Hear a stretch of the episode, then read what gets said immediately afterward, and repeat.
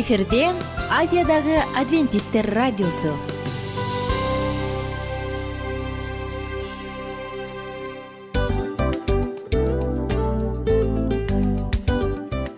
Салам достор. Ден соолук өмүр булагы. Жана биздин биринчи байлыгыбыз демекчи саламат саамы рубрикасына кош келдиңиздер.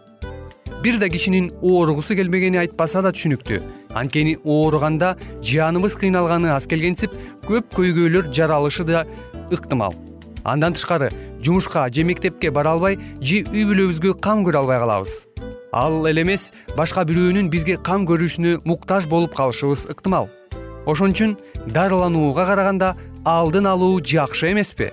Биздин рубрикада биз ар кандай фактылар менен маалыматтар менен кеңештер менен бөлүшүп чын жүрөктөн сиздердин ден соолугуңуздарды каалайбыз. Ошон үчүн биздин рубрикага кош келдиңиздер.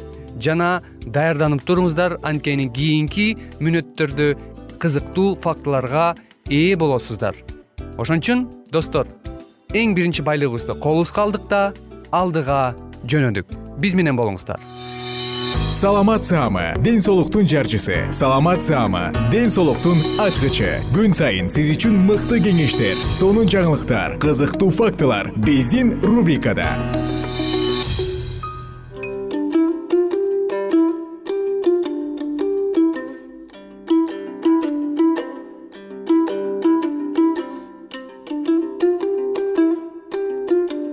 саламатсыңарбы кадырман угармандар. Кайрадан сиздердин назарыңыздарда сиздин саламаттыгыңыздын чың болушун тилеген эфирде кайрадан эле сиздер менен ден соолуктун ачкычтары программасы. Бүгүнкү программабыздын темасында биз э, ушул адамдын организминде э, тамактын сиңимдүүлүгү туурасында сөз кылмакчыбыз. Андыктан адамдын организминде деги эле тамактын сиңимдүүлүгү кандай болуш керек дал ушул жаатта сүйлөшөбүз. Анда эмесе биз менен бирге болуңуздар мисалга тамак кандай сиңирилет? деген э, суроо пайда болот болуш керек ар бирибизде эле анан тамактын негизги составдык бөлүктөрү болуп белоктор майлар углеводдор эсептелет. Алар организмге тамактын энергиясын берет. Ал болсо ар бир компонентти белгилүү тартипке сиңирилет жөнөкөй углеводдор мисалы үчүн кант тез сиңет. Ал эми майларды сиңирүүгө алда канча көп убакыт талап кылынат. Белоктор менен татаал углеводдор крахмал жана башкалар. Бул жагынан алганда ортоңку абалды ээлейт. Ал эми кесиптеш менде азыр ушундай э, сен жогоруда айтып өткөн маалыматтарга суроо жаралып жатат. Белокторду э, ушул майларды углеводдорду сен айтып өткөндөй эле э, өз өзүнчө жегенге болобу бул кеңири таралган идеяны табият колдобойт баардык өсүмдүк азыктары жана малдын айрым азыктары майлардын белоктордун углеводдордун кошундууларынан турат. Мисалы жашыл бурчак кыйла көп процент белокту камтыйт эгер сиз жалаң гана углеводдон турган тамак жейм десеңиз анда сиз таза крахмал жана аппак кант да жешиңиз керек болуп калат. Таза белоктон турган тамак бул жумуртканын агы. Ал эми бир нече кашык май майлуу тамактын ордуна жүрө берет бир составдуу тамак жаратылышта жок. Бирок аны адам жасашы да мүмкүн. Ушуга эле ылайык тамактын ар түрдүү компоненттерин ашказан кантип сиңирет тамак сиңирүү бул негизинен процесс. Анын учурунда тамак организмге составдык бөлүктөргө ажырайт. Углеводдор глюкозага майлар май кислотасына белоктор аминокислоталарга айланат. Бул заттар ичеги карынга барып канга сорулуп кирилет. Тамак сиңирүү ашказанда эле эмес ооздун ичинде да ичеги карында да жүрөт. Биз белокторду майларды углеводдорду бирге жейбиз же ар бирин өз өзүнчө жейбизби баары бир ал бир компонент өзүнө тиешелүү жерде сиңирилет. Углеводдор укмуштуудай тыкыз тартип менен шилекейдин таасири менен ооздун ичинде ажырай баштайт. Андан кийин ашказанга сиңирилүүсүн улантат. Белоктор оболу ашказанга андан соң ичеги карында сиңирилет ашказан негизинен эки негизги милдетти аткарат. Ашказан булчуңдарынын иштешинин жардамы менен ашказанга келип кирген тамактын баардык бөлүктөрү бирдей өлчөмгө алып келет. Суюктукту кошумчалоо же соруп алуу менен тамак массасын белгилүү бир консистенцияга жеткирет. Жумурдун кычкыл секрециясынын жардамы менен ашказандагы желген тамакка кычкылдыктын зарыл болгон даражасы берилет бул стадияда чөйрөнүн кычкыл реакциясын талап кылган тамак сиңирүүнү бөлүгү болот.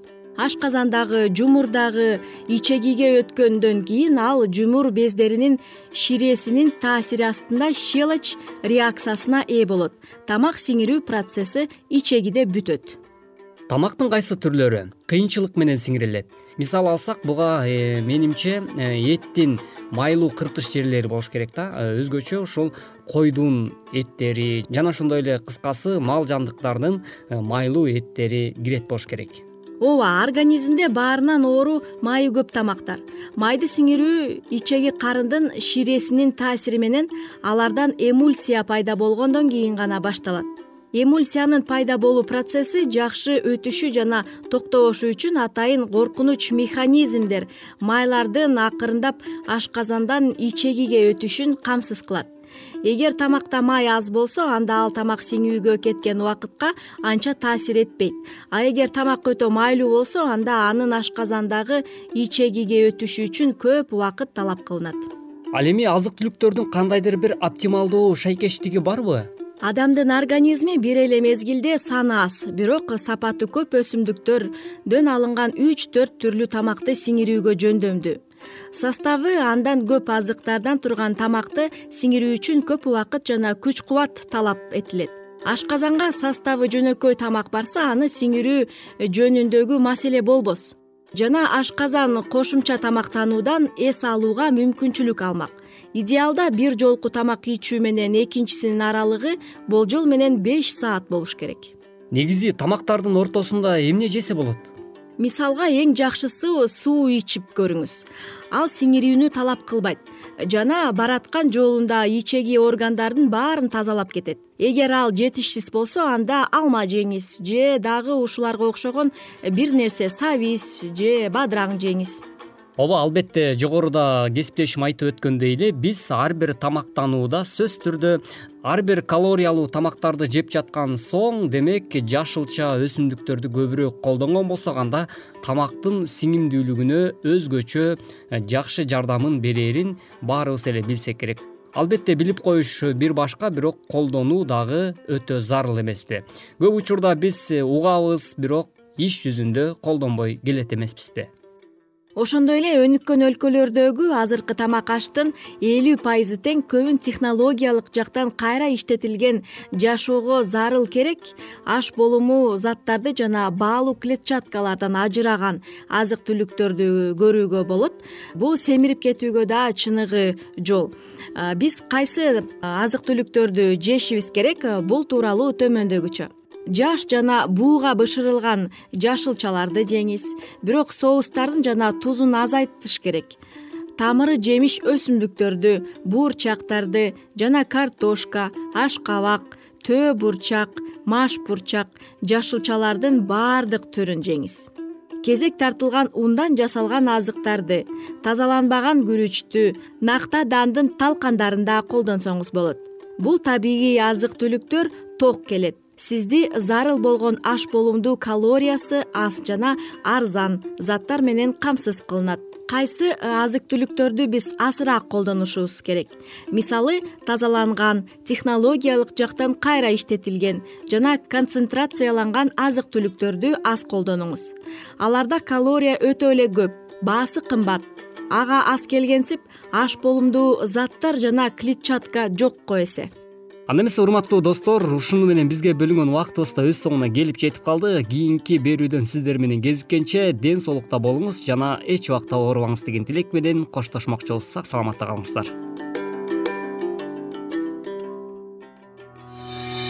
Саламат саама ден соолуктун жарчысы. Саламат саама ден соолуктун ачкычы. Күн сайын сиз үчүн мыкты кеңештер сонун жаңылыктар кызыктуу фактылар. Биздин рубрикада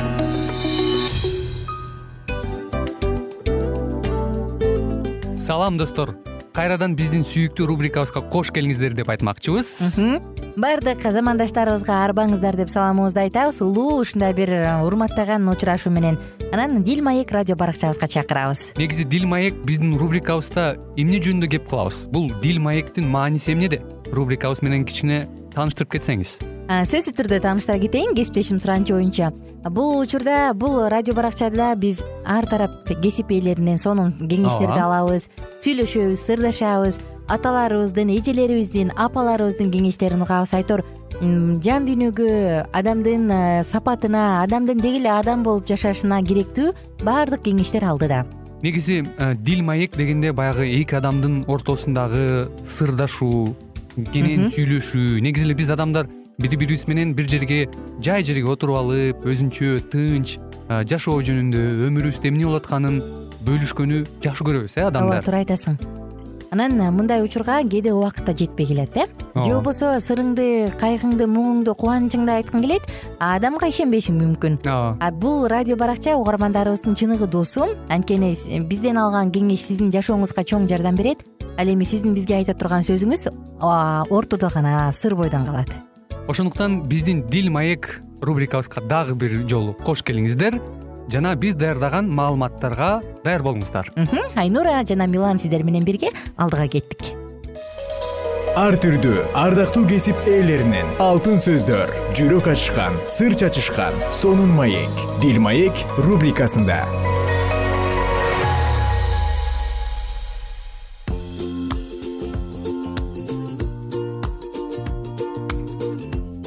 саламатсыңарбы достор. Кайрадан биздин сүйүү программаларына кош келиңиздер.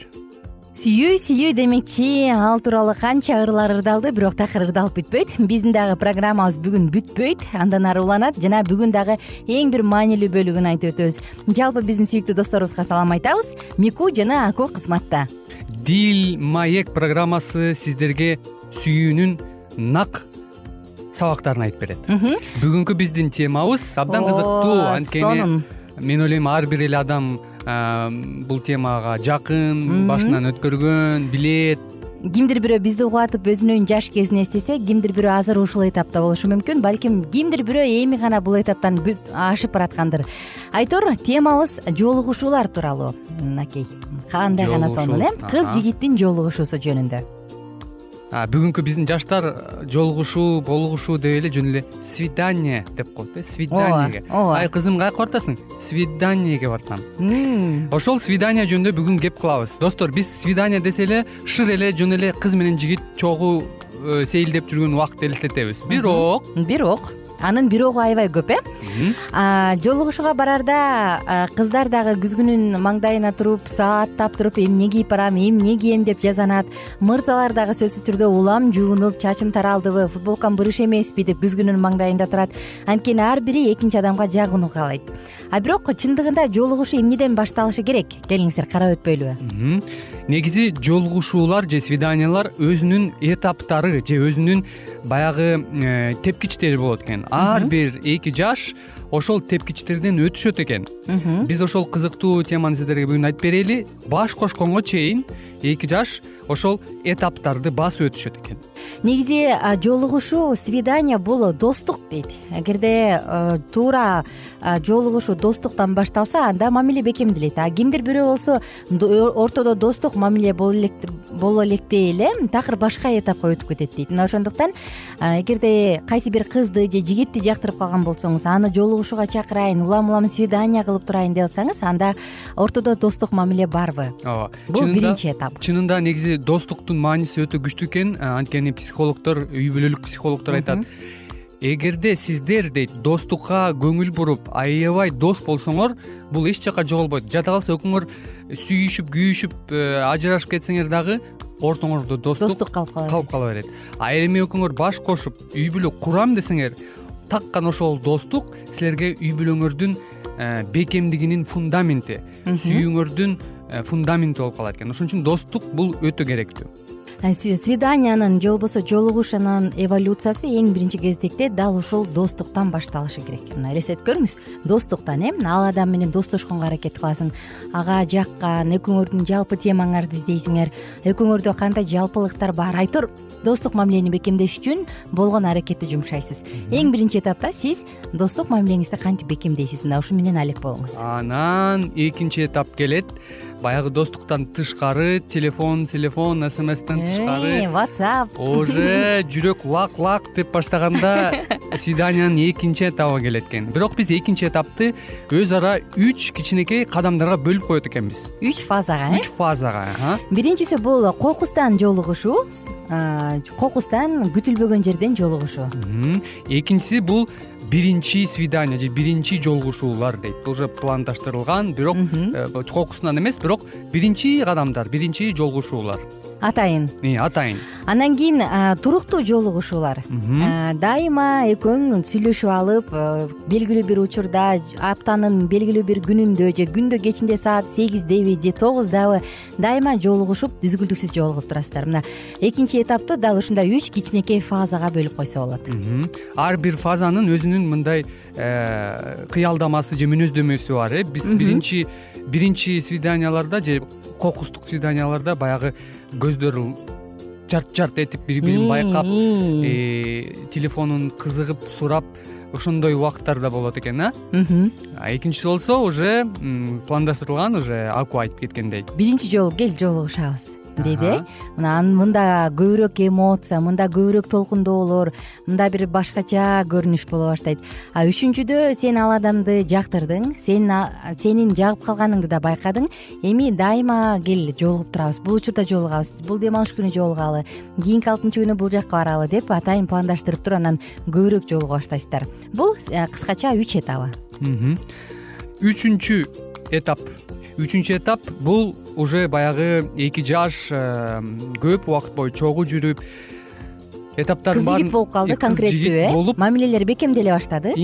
Уже үйдөгүлөрү билет туугандары билет жакындары билет иши кылса досторунун баары билет. Достору баары билет э, тегеректегин баары билет анан баардыгы билет экөө баш кошконго акыркы кадамдарын салып атканын билет. Мына ошол этап бул төртүнчү этап. Үчүнчү этап ой үчүнчү кечиресиз жигит ойлой баштайт экен да ушул кыз меникиби депчи. Ооба. А кыз ойлоно баштайт экен мен бул балага турмушка чыксам кандай болом? Бактылуу боломбу? Бул мени бактылуу кылабы деп ойлойт экен. Ооба. Анан экөө бири бирин акырындан аңдып олуттуу кадам таштаарын алдындагы учур бул э, үчүнчү этап. Негизи бул үчүнчү этапта эки жаш уже бири бирин жакшыраак билип калат.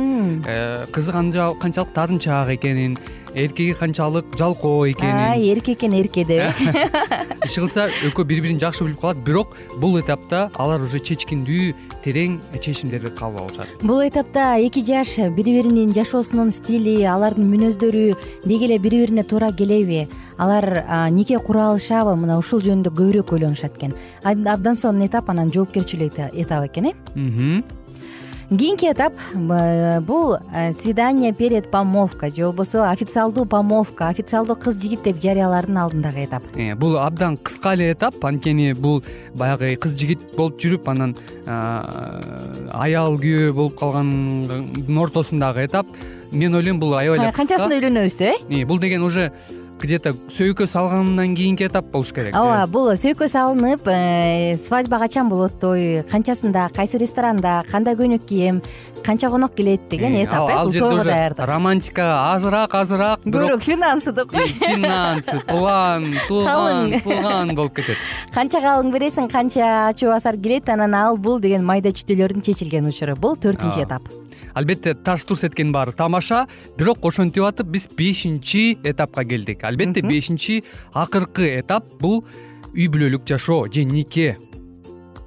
Анан э, эмне үчүн никени биз ошол свиданияга киргизип койду деп таң калып жаткандырсыз? Бирок чындыгында биз никеге баш кошкондон кийин эки э, жаш жигит. э, жаш жигит менен кыз. Алар бешинчи түбөлүк өмүрдөгү свиданияга кетишет. Бул үй бүлөлүк жашоо. Албетте бул эң оор эң узун эң терең свиданиялардын бири бирок бул керектүү баягы никеге турганга чейин көптөгөн адамдар кыз жигит болуп сүйлөшөт эмеспи. Ошолордун кырк элүү пайызы никеге турган чакта эле же кыз жигит болуп ачык жарыяланган чакта эле үзүлөт экен андай мамилелердин көпчүлүгүчү анан кийин дагы бир кызыктуу бир маалымат окуп калдым. Ийгиликсиз нике? Бул бул дейт. Ийгиликсиз жолугушуулардын жыйынтыгы натыйжасы дейт да. Элестетип көр эгерде жолугушуулар ийгиликтүү боло турган болсо жолугушууларда сен көздөгөн максатка жете турган болсоң анда нике да ошондой болот экен. Ооба андан тышкары эми биз э, бул жөнүндө дагы козгоп кетишибиз керек. Бул свидание деген бул жөнөкөй эле баягы америкадан келген кинолордон чыккан нерсе эмес. Бул чындыгында керектүү нерсе. Биз андан коркпошубуз керек. Э, жаштарга тоскоол болбошубуз керек. Алар бири бири менен сүйлөшүп баягы социумга катышып э, кыз жигит бири бирин изилдеш керек. Анткени биздин коомдо тилекке каршы ала качуулар бар биз бир программаларыбызда он сегиз он алты жашка чейин чыга электер турмушка чыгып атканын айтканбыз. Мунун баардыгы терс көрүнүш коомдо. Жана мамлекетибизге эч кандай жакшылык бирок биринчи иретте өз жаштарынын жашоосуна эч кандай жакшылык алып келбейт. Ошон үчүн свиданиялер абдан абдан керектүү достор эмне дейбиз? Жалпыңыздарга дал ушул беш этаптан турган жолугушууну жемиштүү жана жеңиштүү жолугушууну каалайбыз. Бул учурда өзүңүздүн жарымыңызды өмүрлүк жарымыңызды э, адашуусуз катасыз эң жакшы ийгиликтүү тандап алыңыз. Албетте кийинки жашооңуз дагы ийгиликтүү жана бактылуу болот. Биз болсо жалпыңыздарга көңүлдүү күн каалайбыз жана убактылуу гана коштошобуз ар түрдүү ардактуу кесип ээлеринен. Алтын сөздөр жүрөк ачышкан сыр чачышкан сонун маек. Бил маек рубрикасында.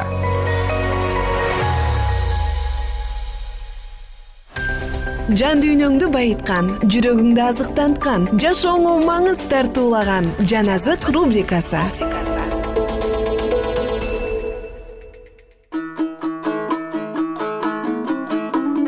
саламатсыздарбы достор? Сиздер менен улуу күрөш китебин улантабыз. Кызыктуу окуялардын уландысын биз менен бирге тыңдаңыз.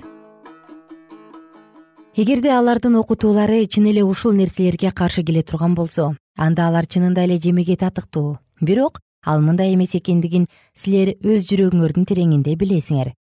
Бирок кантип кудай сөзүн бурбастан бузбастан туруп биз секиге катаалдыгыңарды ылдый кыла аласыңар? Кудайдын сырларын сактоочу ушул казынадан бир нерсе өзгөртө турган болсо ишенимдүү болуп эсептелеби? Албетте жок. Ал бир дагы чындыкты кичирейте же жеңилдете албайт. Бирок адамдарга мынтип айтышы керек. Мен ыйык жазууларды силердин каалооңорго жараша ылайыкталыштыра албайм. Силер же анын талаптарына ылайыктуу жашашыңар керек же түбөлүктүү өлүшүңөр керек. Мына эмне себептен адамдар мынтип кыйкырыша баштаган? Аларда сүйүү жок. Чын элеби эмне алар курсак ач адамдарды тамактандырып жылаңычтарды кийиндирип жаткан жокпу? Жок. Бул нерселер менен аларды айыптоого болбойт. Алар өз ой жүгүртүүлөрүндө өтө ырайымсыз алардын жолун ким ээрчибей турган болсо эч ким куткара албастыгына бекем ишенишет уэслинин пайда болуусундагы англиядагы руханий караңгылык карама каршы пайдаланылган. Көпчүлүк адамдар машаяк ички сезимге тийиштүү мыйзамдарды жок кылган. Ошондуктан ишенген христиандарга мыйзамды аткаруунун кереги жок ишенген адам жакшы иштерди жасоо кулдугунан бошотулат.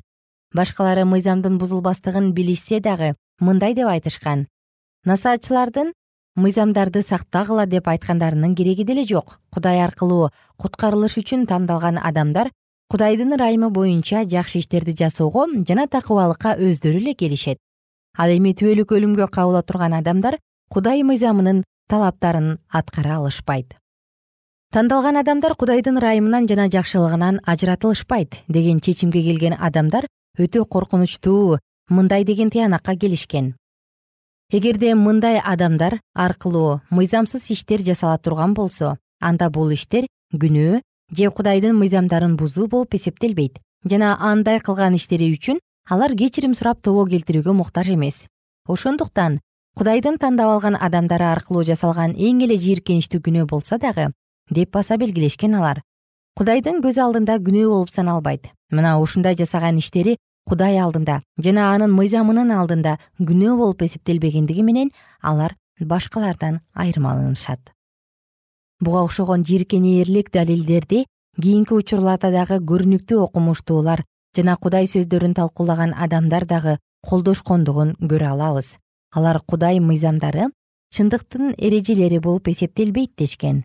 Бирок адамдар ички дүйнө мыйзамдарын өздөрү чыгара алышат. Ошондуктан алар ар дайым өзгөртүлүп турат деп баса белгилешет.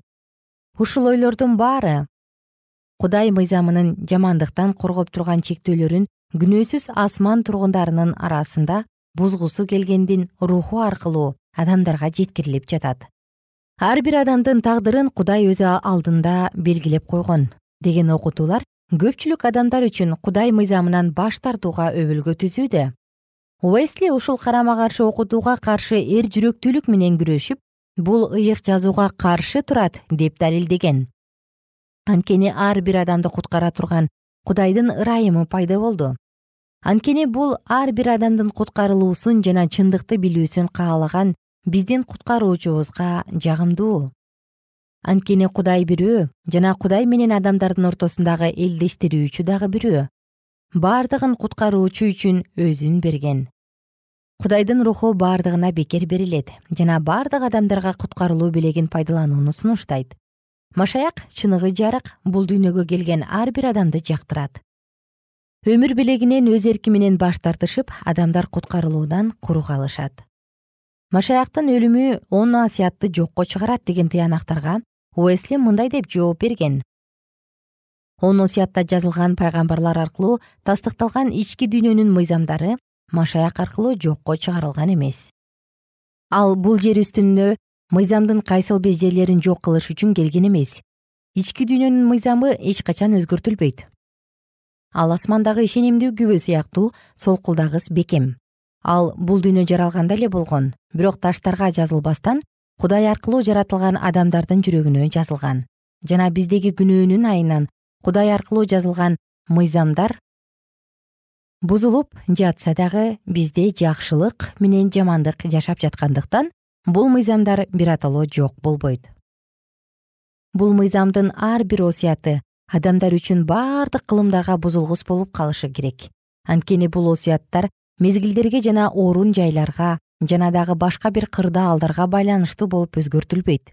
Бирок кудай жаратылышына жана адам жаратылышына негизделип алардын ортосундагы бири бирине болгон мамилесин өзгөртпөйт мен мыйзамды бузуу үчүн эмес бирок аны аткарыш үчүн келдим машаяк бул жерде эч шексиз төмөнкүлөрдү айткысы келет. Адамдардын бурмалап талкуулагандыгына карабастан мен мыйзамдарды толугу менен калыбына келтириш үчүн келдим. Мен адамдарга башта толук түшүнүксүз болгондорду толук түшүндүрүп бериш үчүн келгем. Мен ар бир осуяттын чыныгы маанисин түшүндүрүп анын туурасын жана узундугун жана аракеттенүүчү айланасын ачыш үчүн келгем анын бардык көрүнүшүндө бийиктигин жана тереңдигин көргөзүүгө жана анын тазалыгын жана руханийлигин ачууга келдим. Уэсли жакшы кабар менен мыйзамдын бузулгус ынтымагы жөнүндө минтип айткан. Инжил менен мыйзамдын ортосундагы байланыш биз бир гана элестете ала тургандай өтө тыкыз бир жагынан мыйзам инжилди карай турган жол салган бизге аны көргөзүп турган болсо экинчи жагынан инжил бизди мыйзамды тагыраак аткарууга багыттайт. Мисалы мыйзам биздин кудайды жана биздин жакындарыбызды сүйүүбүздү жана биз момун ийкемдүү жана ыйык болуубузду талап кылат. Бирок биз мындай жашай албай тургандыгыбызды сезип турабыз. Анткени мындай жашоо адамга мүмкүн эмес. Бирок бизге ушундай сүйүү берүүгө бизди момун ийкемдүү жана ыйык кылууга теңирдин берген убадаларын биз эстеп турабыз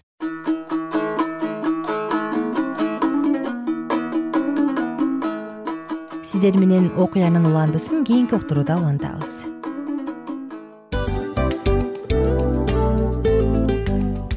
Мына ушинтип убакыт дагы тез өтүп кетет экен. Биз дагы радио уктуруубуздун аягына келип жеттик. Келип кубандырдыңар эми кетип кубандыргыла деп тамашалап калышат эмеспи? Анысы кандай? Радио баракчабызды программабызды азыр эле баштап аткандай болдук элек мына соңуна келдик э? Негизи убакыт э, билинбей өтүп кетет экен? Мен дагы убакыт дегенде бүгүн бир адам менен сүйлөшүп калдым. Анан убакыт бул мүмкүнчүлүк деп айтып өзүмө өзүм айтып алып анан мага өзүмө эле кайра ачылыш болду да чын эле. Э Э, карап отурсаң ошол эле жыйырма төрт саат ошол эле жарым саат кайталанып атат бирок сендеги мүмкүнчүлүк жок ошол кой берилип кетти? Анысы кандай? Бүгүнкү сонун убактыңызды алтындай болгон жарым саатыңызды бизге бөлүп арнаганыңыз үчүн ыраазычылык айтабыз анан жашооңуздун кайсы бир сферасын өзгөртө турган сонун пайдалуу кеңеш алган болсоңуз анда биз максатыбызга жеттик. Анан ушул нерсени кылбасам десеңиз ошол өзгөрүүлөрдү кичинекей кадамдардан баштап иш жүзүнө ашырыңыз дагы жашооңузда чоң чоң ийгиликтерге жетиңиздер. Чын жүрөктөн ар бир берилген кеңештер сөздөр сиздерге пайдасын алып келет деп ишенебиз. Жана кийинки уктурууларда сөзсүз түрдө чыдамсыздык менен сиздерди күтөбүз сагынычтуу салам айтып кайрадан дал ушул жыштыктан баардыгыңыздарды тосуп алганча кызматта мен айнура жана кесиптешим милан анда кол пул каалайбыз жалпыңыздарга ийгиликтүү күн. Саламатта калыңыздар